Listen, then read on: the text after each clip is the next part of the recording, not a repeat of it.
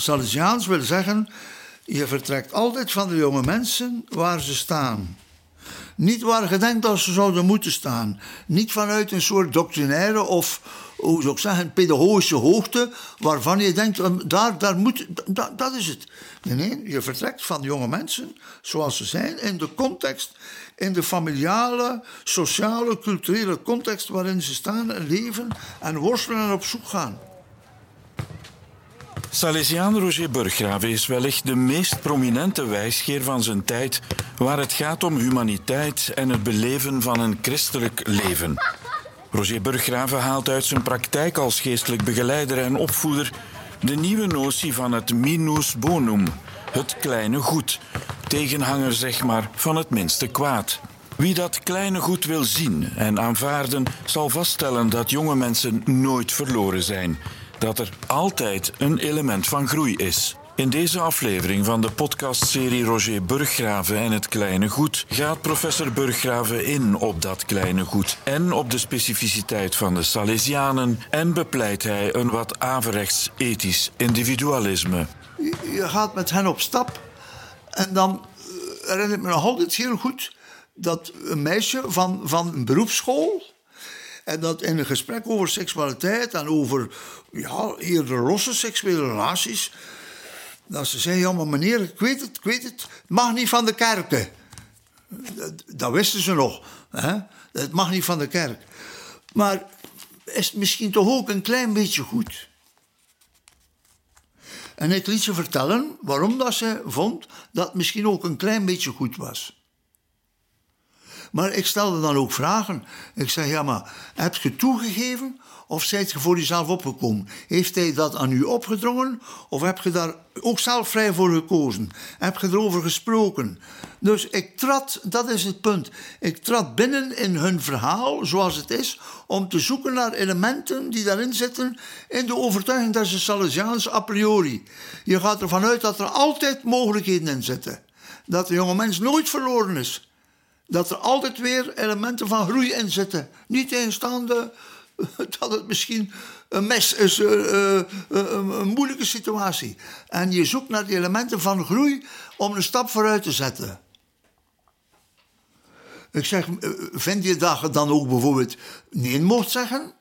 Of vind je dan bijvoorbeeld, ik heb dat dikwijls gevraagd aan jongeren. Vind je dan, als je seks gehad hebt, dat de jongen dan voor morgen en overmorgen, voor, voor de toekomst, recht op u heeft? Soms waren ze verbaasd over die vraag. Dus ik trad niet binnen, het mag niet voor het huwelijk, eh, het normatieve kader, om, om daarover dan ja of nee te discussiëren. Maar ik trad binnen in dat geheel van de contextualiteit, van de, de omstandigheden. En van daaruit gaan zoeken naar wat nu de, de kerk zelf officieel zegt in Amoris Laetitia: constructieve elementen voor groei.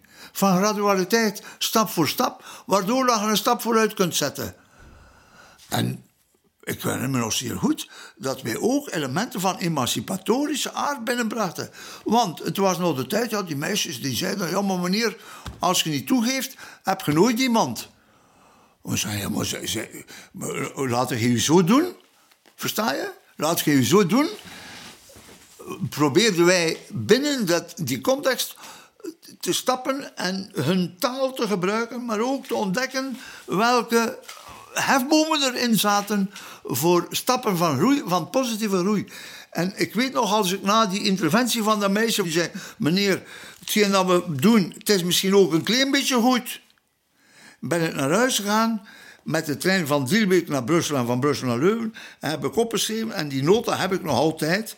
Ik heb toen de datum opgeschreven en ik heb het woord minus bonum opgeschreven. Het kleinere goed. Niet het kleinste kwaad.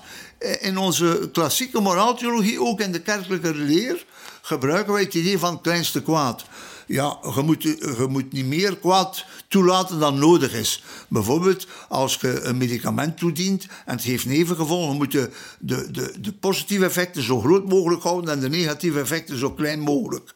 Dus het kleinste kwaad. En ik dacht, ja, waarom gaan we niet in die pedagogische benadering op stap gaan met jonge mensen, het idee ontwikkelen van het kleinere goed, het minus bonum, het kleinere goed En eigenlijk heb ik dat dus niet gevonden in een boek. Ik heb dat gevonden dankzij dat meisje van 15 jaar. Die zei, meneer, is hetgeen dat wij beleven, hetgeen dat wij doen, beleven dat was al een te groot woord, is hetgeen dat wij doen misschien ook een klein beetje goed. Een klein beetje goed.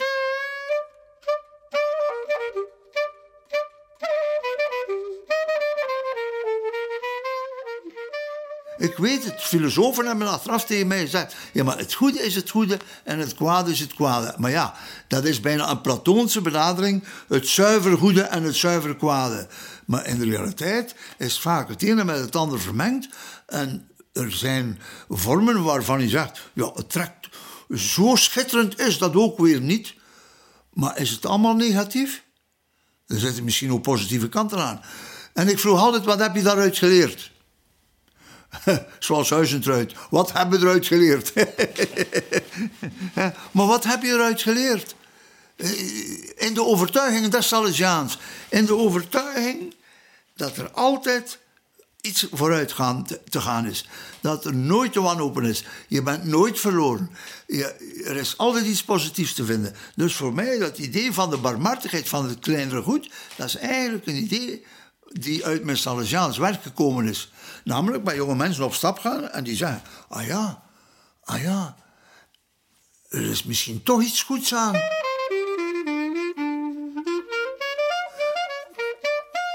Bijvoorbeeld leren voor jezelf opkomen. Ik zei geen geweld. Ik zei niet dat komt van de tien geboden, versta je? Ik zei, jij zult niet doden, want dat is de grondslag van de tweede tafel van de tien geboden voor al de rest.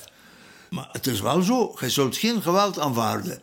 Als, als het gewelddadig is, als ze brutaal zijn, als ze intimideren. Ik heb daar dikwijls over gesproken bij jongeren. Dan mag je niet laten doen. Je moet voor jezelf opkomen. En als je dan de verhalen hoorde, want dat vond ik zeer merkwaardig. Door deze manier van benaderen kwamen de jonge mensen af met alle soorten verhalen. En vooral, vooral die van, van de humaniora, die waren iets subtieler. die waren iets voorzichtiger, hè? iets, iets uh, intellectueler. Maar de, de, de van het beroepsonderwijs, sorry dat ik het zo zeg, van beroeps- en technisch, maar vooral van beroepsonderwijs, hè, die waren recht voor een raap. Hè? En dus met die kon je daarover inderdaad ook in alle eerlijkheid praten.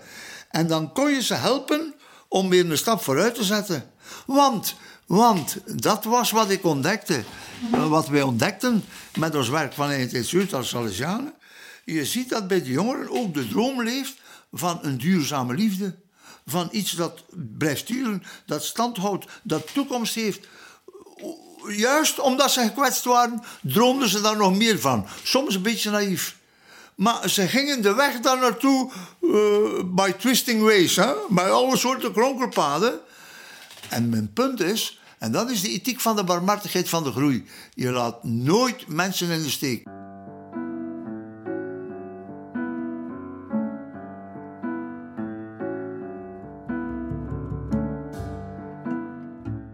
Ik ben nu in contact gekomen, toevallig gisteren, met een collega, uh, Ronaldo Zacharias van, van, uh, uit Brazilië, van Sao Paulo. En dus die heeft mijn werken gelezen zonder dat ik, dat ik, zag een artikel van hem staan en ik heb zijn mailadres gezocht en hij zegt, ja maar ik heb het een en het ander gelezen en zegt hij, het is werkelijk Salesiaans, namelijk we gaan met de jonge mensen op stap. Bij ons aan de universiteit worden wij meer en meer geconfronteerd in die post en ook in die seculiere wereld van Brazilië. Met invloeden van de sociale media. Met allerlei wegen en vormen van relaties. Ja, als je daar nu alleen maar van boven deductief oordelen en veroordelen in staat. Het is, het, het is niet volgens het katholieke boekje. Dan luistert niemand naar u. Je moet in die werkelijkheid treden en Weet je wat er is? Je krijgt ook wel vuile handen. Hè? Want sommige mensen verwijten u. Oh ja, je stapt met hen mee en je, stemt er mee in. Nee, je stemt er niet mee in. Maar je zoekt in die werkelijkheid naar datgene wat positief haalbaar is om vooruit te geraken. Want die jonge mensen dromen ook over vriendschap en over goede relaties en over een toekomst en over een gezin enzovoort. Ik heb er altijd staan van kijken dat zij soms nog meer daarvan droomden omdat ze het zo erg misten soms thuis, dat ze daar nog meer van droomden. Maar ze wisten niet de weg daar naartoe. En dus, ze gingen allerlei zijpaadjes en, en wegen. En zei, deze jonge mensen kan je niet in de steek laten. En dat vind ik wel het Salesiaanse aspect van, van die ethiek van de groei, hè? van de barmhartigheid.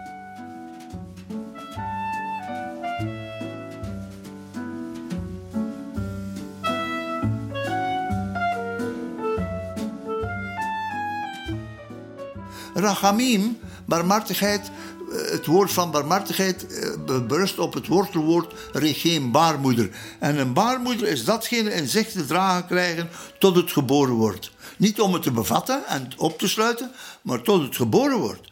Ja, dan draag je de ander, dat is ook die verbondenheid, maar dan draag je die ander in zijn kwetsbaarheid om te zorgen dat hij kan groeien.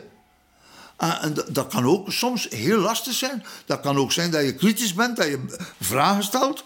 Maar het moet altijd gebeuren met kan, kan ik die jonge mensen op die manier helpen om een stap vooruit te zetten. Zodat hij niet vastloopt en dat hij de moed niet verliest. En het Salesiaans a priori, en het is eigenlijk een christelijk a priori, is...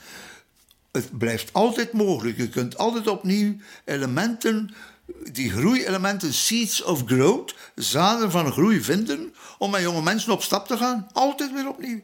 En dus wij, wij eh, contra spem in spem zeggen wij in, in de feeling van Don Bosco. Tegen alle hoop blijven wij hopen. We geven het nooit op en we zijn ervan overtuigd dat het altijd mogelijk is. En voor mij is dat ook een mystieke ervaring van het goddelijke. Als er voor mij een, een ervaring van het goddelijke is, is het dat. Niet abstract, maar heel concreet.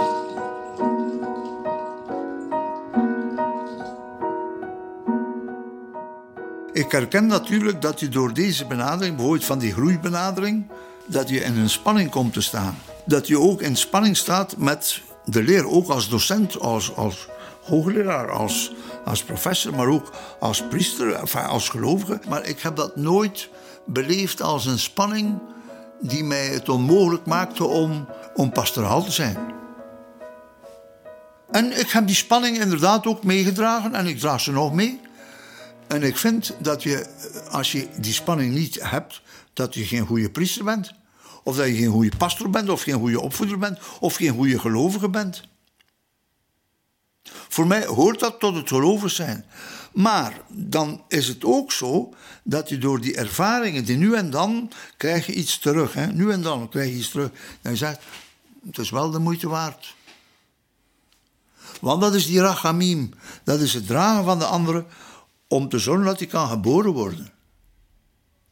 En dat is genoeg. Voor mij is dat genoeg.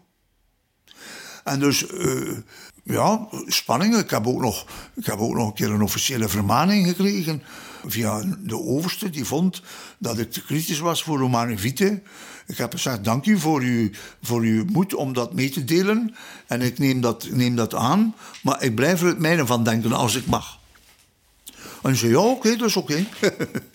dat is oké. Maar ik ben een opvoeder. Ik ben, ik ben een priester. Op de eerste plaats, ik ben geen doctrinaire hartslijper. Nog van links, nog van rechts. Maar ik sta wel voor mijn ding. Ik, ik, kom wel op en die groeiethiek heb ik al lang ontwikkeld. En natuurlijk ben je dan blij om bepaald moment als de kerk, met, eh, zoals nu gebeurd is met de synode in 2015, 14, 15, dat er een stap vooruit gezet wordt. Het mag iets meer zijn nog, het mag rustig nog wat meer zijn, maar er is wel een stap vooruit gezet. En dan ben je blij dat dat gebeurt. En dan zeg je, oh ja, we gaan dat verder doordenken. We, inderdaad, en neemt, je neemt het op. Maar niet om te zeggen, heb ik nu gelijk of heb ik geen gelijk? Nee, op de eerste plaats omdat je bezig bent met mensen. Ik ben op de eerste plaats iemand die geroepen is om mensen te helpen nabij te zijn. Dat is, dat nog altijd, nog altijd het, idee van Cardijn. Hè? Zien, oordelen, handelen. Je moet dus niet oordelen voordat je gezien hebt. En je moet stappen, uh, meestappen. Wat kan en wat niet kan, moet je aanvaarden. Hè?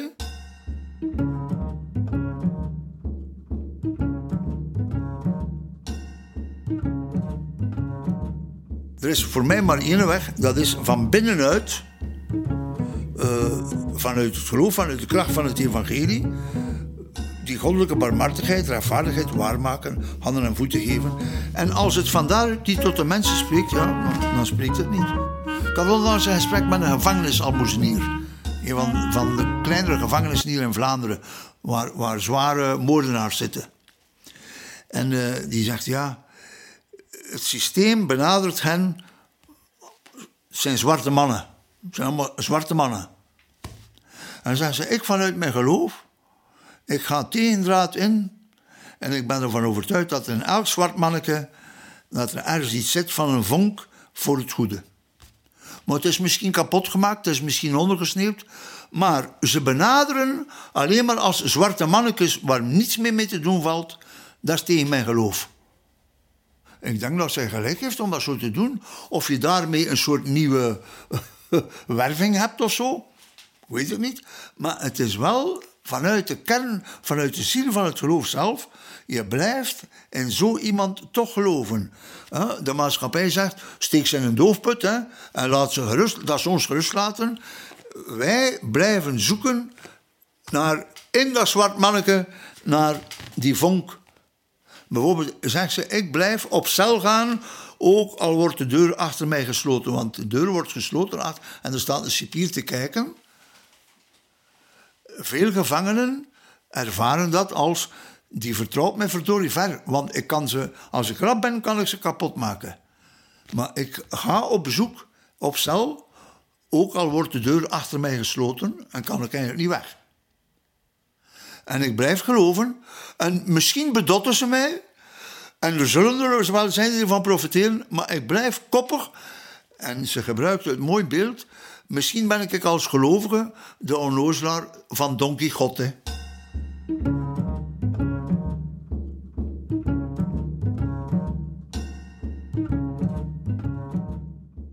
Dus eh, wij, wij focussen te veel op de organisatorische structuren en dynamieken die institutioneel liggen.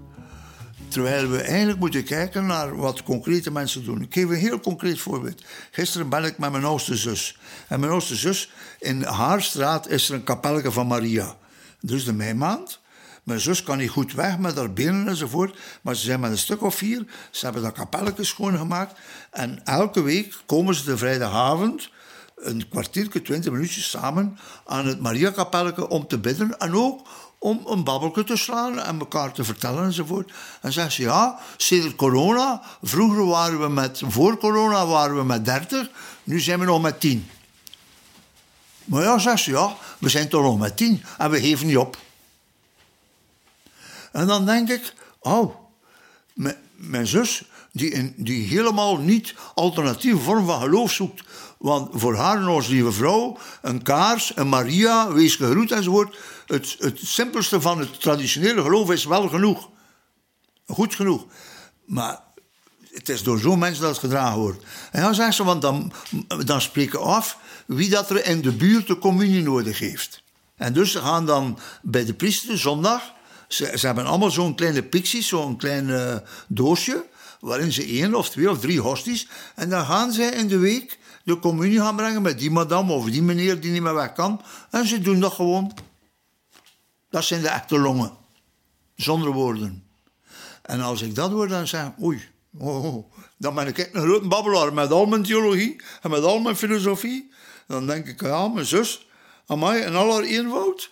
Ze doet iets kleins, maar iets reëels. En het is, het is van de symbolische orde, maar het is tegelijkertijd zorg voor de andere mens. Want als ze die communie gaat brengen, zet ze zich neer, ze doet een babbeltje. En ze haalt iemand voor drie minuten, vijf minuten een klein beetje uit die eenzaamheid. En ze zegt, oh, oh, oh ja, meer moet dat niet zijn, hè. Heb je God daarvoor nodig? Nee, heb God daar niet voor nodig. Maar ze doet dat wel vanuit, Gods, vanuit haar godsgeloof. Dus de vraag is niet, heb je daarvoor God nodig? Dat is een interessante vraag. Maar eigenlijk is dat voor hen niet de vraag. Vanuit hun geloof doen ze dat, omdat ze, ze kunnen niet gelovig zijn zonder dat te doen.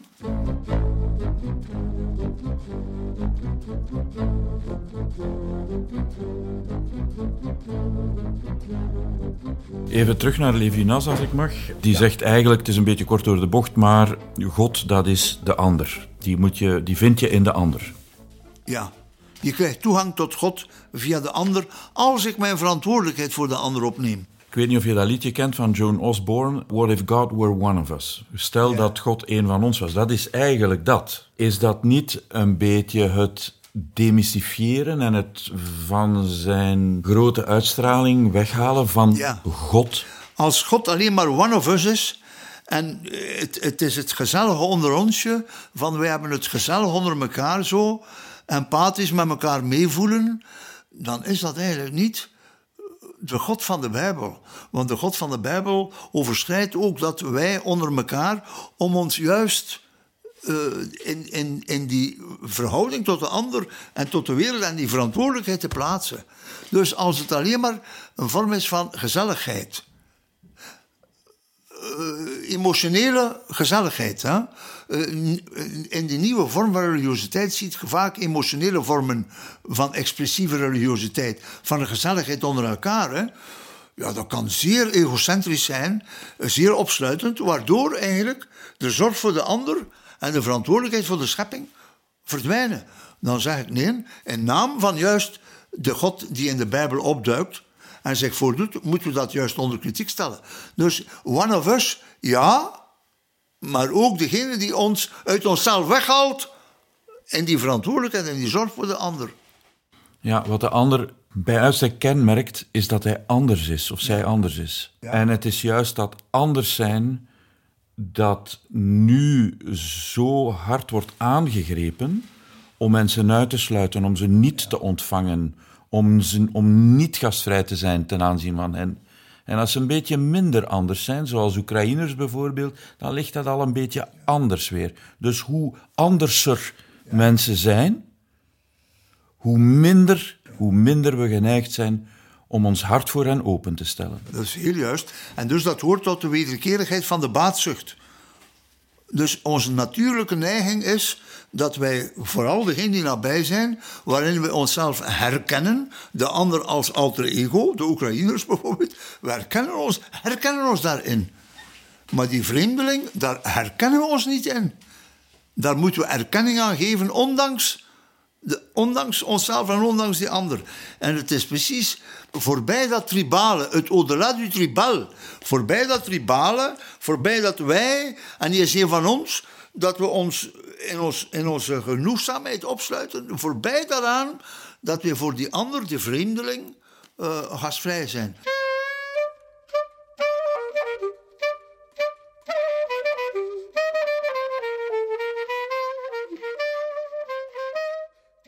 Kijk, een van de fameuze verhalen die reeds uh, in het begin van het Oude Testament staan. Abraham zit onder de boom te rusten in de woestijn, moe van het stappen en met verhitte voeten.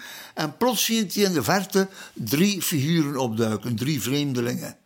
En hij haalt de drie vreemdelingen binnen onder zijn tent. En hij biedt ze te eten aan, dat ze hun voeten kunnen wassen. Want ze zijn bestoft en bezweet en dat ze even kunnen rusten, zodat ze een reis kunnen verder zetten. Dat is het verhaal. Maar wat is het verhaal in de Bijbel?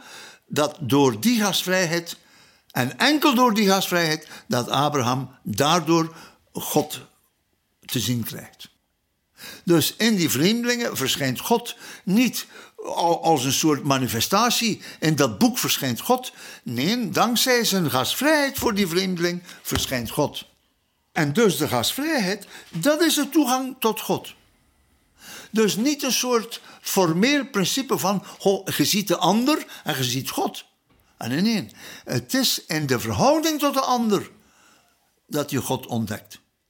Dus vandaar dat er staat in Genesis, en God openbaarde zich wanneer Mozes te maken krijgt en die vreemdeling te zien krijgt. En in zijn gastvrijheid die vreemdeling onthaalt en eten voorzet en hun voeten wast enzovoort, zodat ze een reis kunnen vervolgen.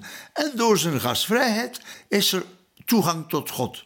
Dit is zeer oud-testamentisch, maar ook zeer evangelisch. Dus die gastvrijheid is precies de manier waarop je toegang tot God krijgt. En zonder die gastvrijheid krijg je God niet te zien. Dan krijg je een, een bespiegeling te zien. Een fata morgana.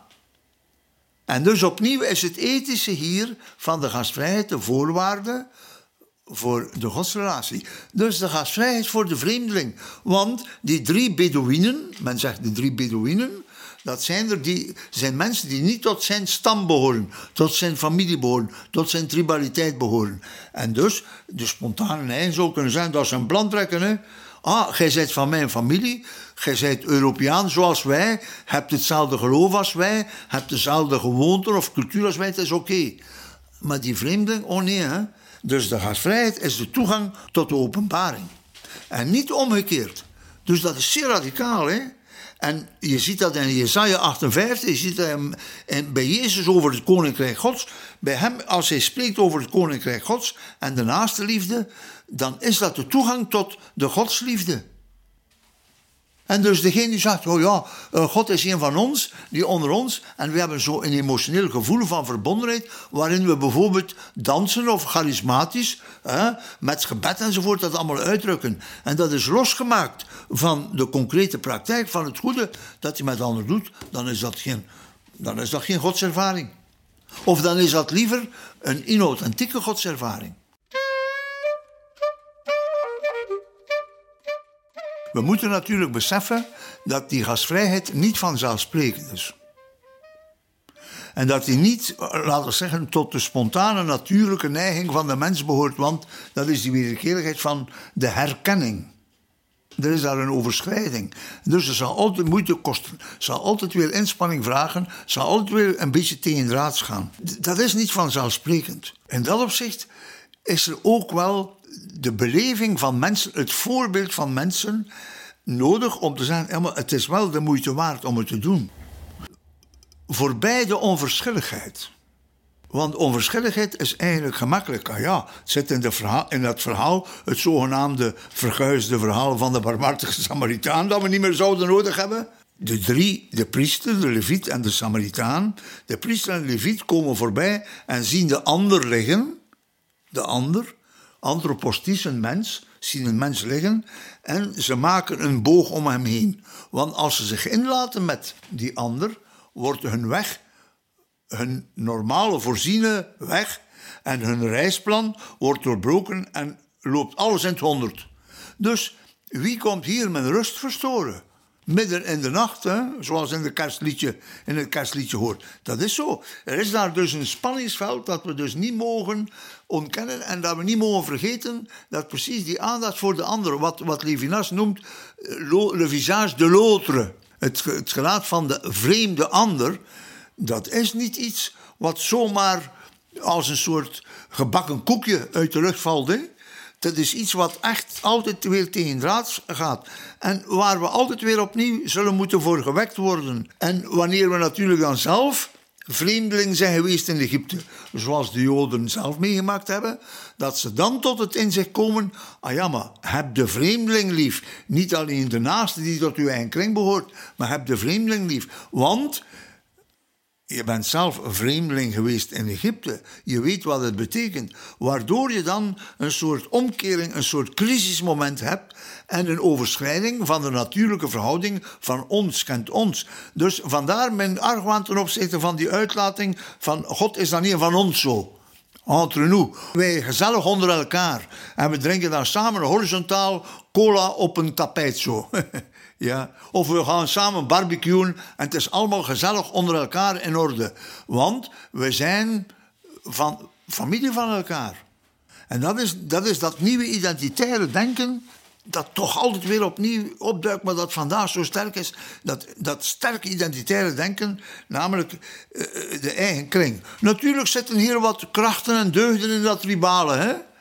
Maar er is dus altijd weer nood aan overschrijding. En er zullen altijd weer mensen zijn die argumenten hebben om, om daar niet in te stappen. En misschien zal het ook nooit een grote meerderheid zijn die die weg gaat. Maar je hebt wel zo'n verhalen nodig en zo'n getuigenissen nodig die dat aan bod brengen.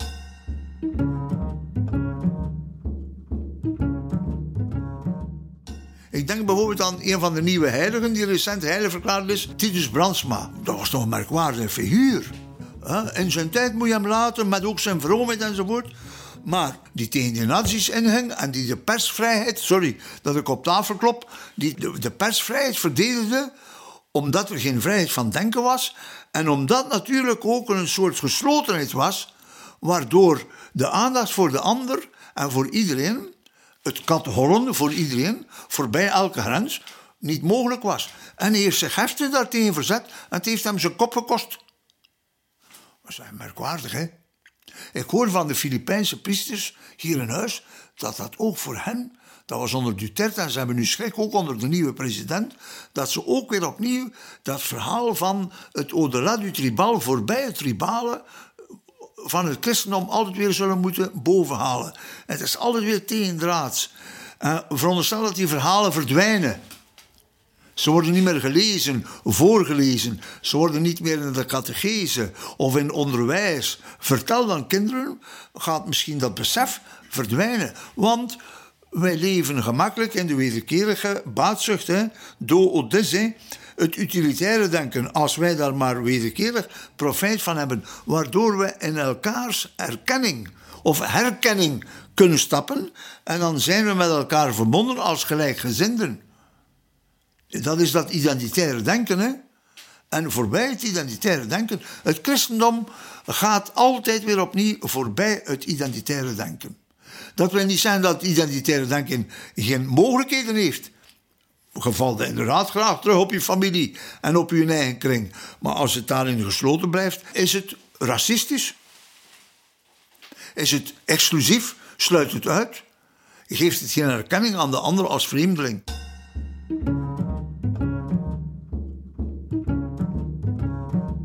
Vandaar dat ik het merkwaardig vind dat in het verhaal van de Samaritaan al de personen in het verhaal genoemd worden. De priester, hoort tot de priesterkasten, de Leviticus, hij hoort ook tot de priesterkasten. De Samaritaan hoort tot een ander volk. Heb de herbergier met zijn herberg, die dus een professional is.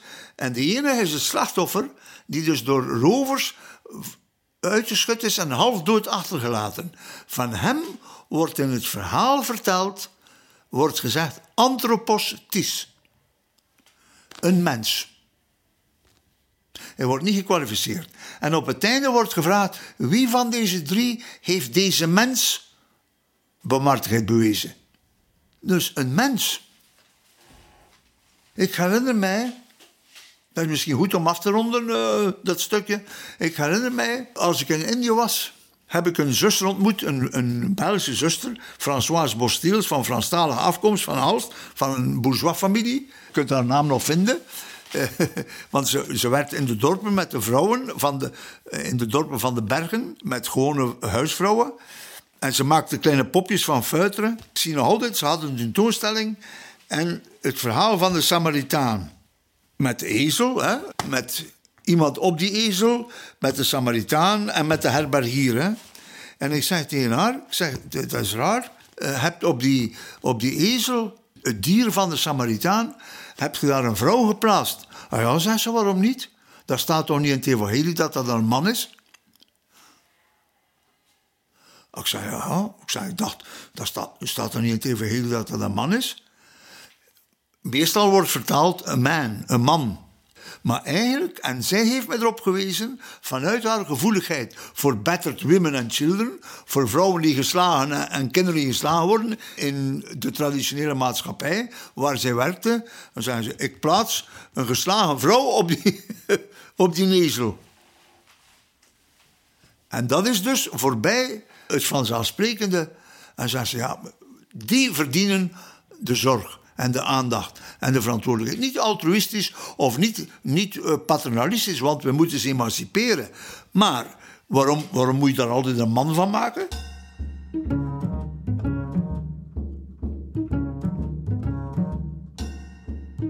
Eh, en ze heeft me nog op iets gewezen. Die Samaritaan die dan de man naar de... Of, sorry, de, de, de persoon naar de herberg brengt.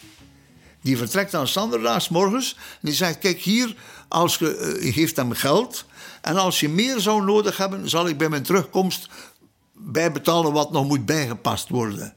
Wat wil zeggen dat het individu zich blijft verantwoordelijk voelen en niet het laatste woord geeft aan de institutie. Die bepaalt dat is het goede wat wij voor elkaar doen. Dus het is de goedheid die belangrijker is dan het goede.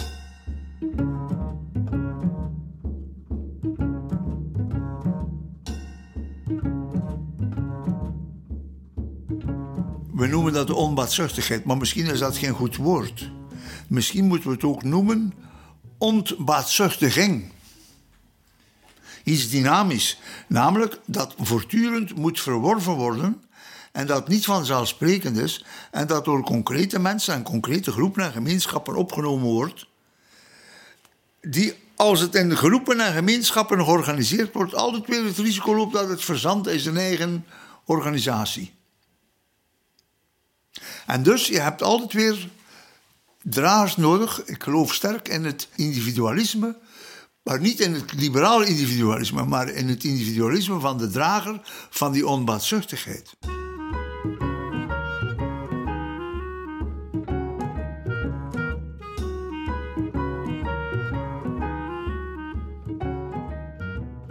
Ik vind dat de uitdaging van het christelijk geloof vandaag ligt in de spanning tussen het institutionele en het au het voorbij het institutionele. Maar niet in de hoop dat het institutionele, de organisatie, het allemaal kan overnemen. Dat we uiteindelijk een organisatie kunnen realiseren, waarmaken, die dat allemaal aan kan. Dat is dus voor mij een van de, van de moeilijkste dingen. Een, eh, wij mogen niet verwachten dat een institutie het laatste woord krijgt over wat het goede is voor mensen. Je zult altijd weer individuen nodig hebben. Die, die, die, daar, die daar soms averechts, soms klein, soms scherp, soms ludiek, de humor, dat oproepen. Maar ik, ik denk aan een concreet voorbeeld. Ik, ik hoor een tijd geleden, ik zat in de ethische commissie en uh, ze vertelden daar, ze hadden stagiaires gehad in het woonzorgcentrum, stagiaires gehad vanuit Kortrijk. Uh, dat waren meisjes van denk ik 16, 17 jaar. Zorgkundigen, hè. en uh, de zekere maandag uh, was er eentje aangekomen. En ze had haar uniformschort hè, omgekeerd aangedaan. Dus de knopen van voor en niet van achter. Dus ze zag er een beetje gek uit. En de zorgkundigen van haar gang, of de verpleegkundigen allee, van, van, van de voorziening zelf, die zeggen smiddags tegen haar of van de koffie zeggen: Juffrouw, weet jij dat jij uw, uw uniform omgekeerd averechts aan hebt? Ja, ze, ik weet het, ik weet het. Ah ja, wat, wat we dachten dat je misschien te laat uit geweest waart en, en een beetje nog niet helemaal, nog niet helemaal wakker wordt. Nee, nee, ze, ik weet dat, ik heb dat met opzet gedaan. Ah, je hebt dat met opzet gedaan? Waarom heb je dat met opzet gedaan? Ah ja, zegt ze, hier loopt alles veel te perfect. En ze waren er niet goed van, hè? En ze zeiden tegen haar, zet u neer. En waarom vind je dat? En ja, zei ze, ik heb dat gehoord van een meneer die vertelde dat je wordt perfect verzorgd, maar er is geen tijd om imperfect te zijn en tijd te verliezen. En dus, zegt ze, ik heb ik mijn schort averechts aan gedaan. En dat heeft in die groep, in dat team, heeft dat dus de, de idee gewekt, tja, bij ons is alles zo perfect georganiseerd. Het loopt allemaal zo geolied dat er geen plaats meer is voor het, het onvolmaakte en het, hetgeen dat niet helemaal correct is, maar de ruimte voor eh, la petite bonté, de kleine goedheid. En dus zij heeft, het individu, heeft daar uh, door haar schort averechts, haar uniform omgekeerd averechts aan te doen, heeft eigenlijk ter sprake gebracht. Het is hier allemaal veel te, veel te volmaakt. Het loopt hier allemaal totaal gesmeerd. Dus ze heeft hen aan het denken gebracht. En dat is het individu. En dat is niet de organisatie. Natuurlijk, en we hebben daar dan ook op de ethische stuurgroep over gesproken, als ze dat voorbeeld verteld hebben. Dat vond ik interessant. En zei, nu moet je opletten, hè, dat je dat nu gaat nu reorganiseren, zodat haar bedenking perfect in de reorganisatie opgenomen wordt. Ah nee, ah nee. Dat, dat is juist het probleem. Je kunt nooit alles perfect organiseren.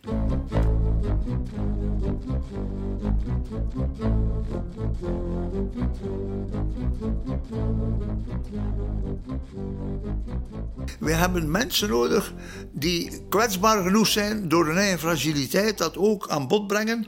En dat er ruimte is binnen, uh, want men spreekt vandaag veel over management en over lean management, hè, van, van onder naar boven enzovoort, dat er dan ruimte ontstaat, dat zoiets kan verteld worden en dat er iets kan ter sprake gebracht worden, waardoor misschien aandacht gebracht wordt, gemaakt wordt in de organisatie voor iets anders om een andere aanpak te hebben.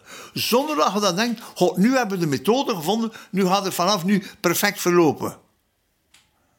Weet je, het goede wordt dan in regels vastgelegd, gestructureerd georganiseerd, wordt in protocols vastgelegd en vooral in positieve regels vastgelegd, hè, in tools, in methodes. En dan ontstaat er een karkan en dan eh, wordt het goede hoe zou ik zeggen, perverteert het goede is nee, het tegendeel. Dan, dan slaat het goede om in het kwade. Het kwade van het goede. Dat is het evangelie. Vandaar het laatste oordeel gaat dus niet over het goede als organisatie. Maar gaat over degene die een beker water geeft aan die ene, van de ene mens tot de ander. Die iemand in zijn huis opneemt. Het begint altijd met dat individuele dat is een soort ethisch individualisme. Dat is geen liberaal individualisme van de vrijheid, ik doe mijn goesting. Maar dat is een ethisch individualisme. Dat dus altijd weer opnieuw een hefboom binnenbrengt in allerlei vormen van structuur en organisatie. En er is ook, in de goedheid is er ook een soort wildheid. Een soort ongrijpbaarheid. En dat is precies wat de barmhartige Samaritaan ook laat voelen. Hè? Dus je geeft het laatste woord niet aan een structuur, aan een organisatie die er wel noodzakelijk moet zijn. Ze moet er wel zijn. Want je hebt die herberg en die herbergier en je hebt die professional om te zorgen voor die gewonde man wel nodig. Hè? De, de Samaritaan doet eerste hulp bij ongevallen door olie, en, olie over, en wijn over zijn wonden te gieten voor eerste ontsmetting. Maar je brengt hem daarna wel naar de herberg, naar een specialist. Een instelling die geëquipeerd is en een specialist, een professional, die weet hoe dat je moet doen. Maar het laatste woord wordt niet gegeven aan de institutie. Dat is dus wat wij de, het profetische noemen. Niet de grote profeten, maar het kleine profetische. Van de kleine, de kleine mens. Like mijn zus die zegt, oh ja, wij gaan dat kapel, we gaan dat verzorgen, we gaan dat de vrijdagavond. Dus om, om te zorgen dat je ja, je hebt daarvoor mensen nodig die daarvan de drager zijn. Maar die ook niet zeggen, wij zijn de helden en wij zijn de sleutel van het systeem. Heeft het geloof dan geen kerk nodig? Jawel, maar de kerk heeft niet het laatste woord. Roger Burggraven en het Kleine Goed is een productie van de Salesianen van Don Bosco met de medewerking van Kerkenet. Samenstelling Leo August de Bok.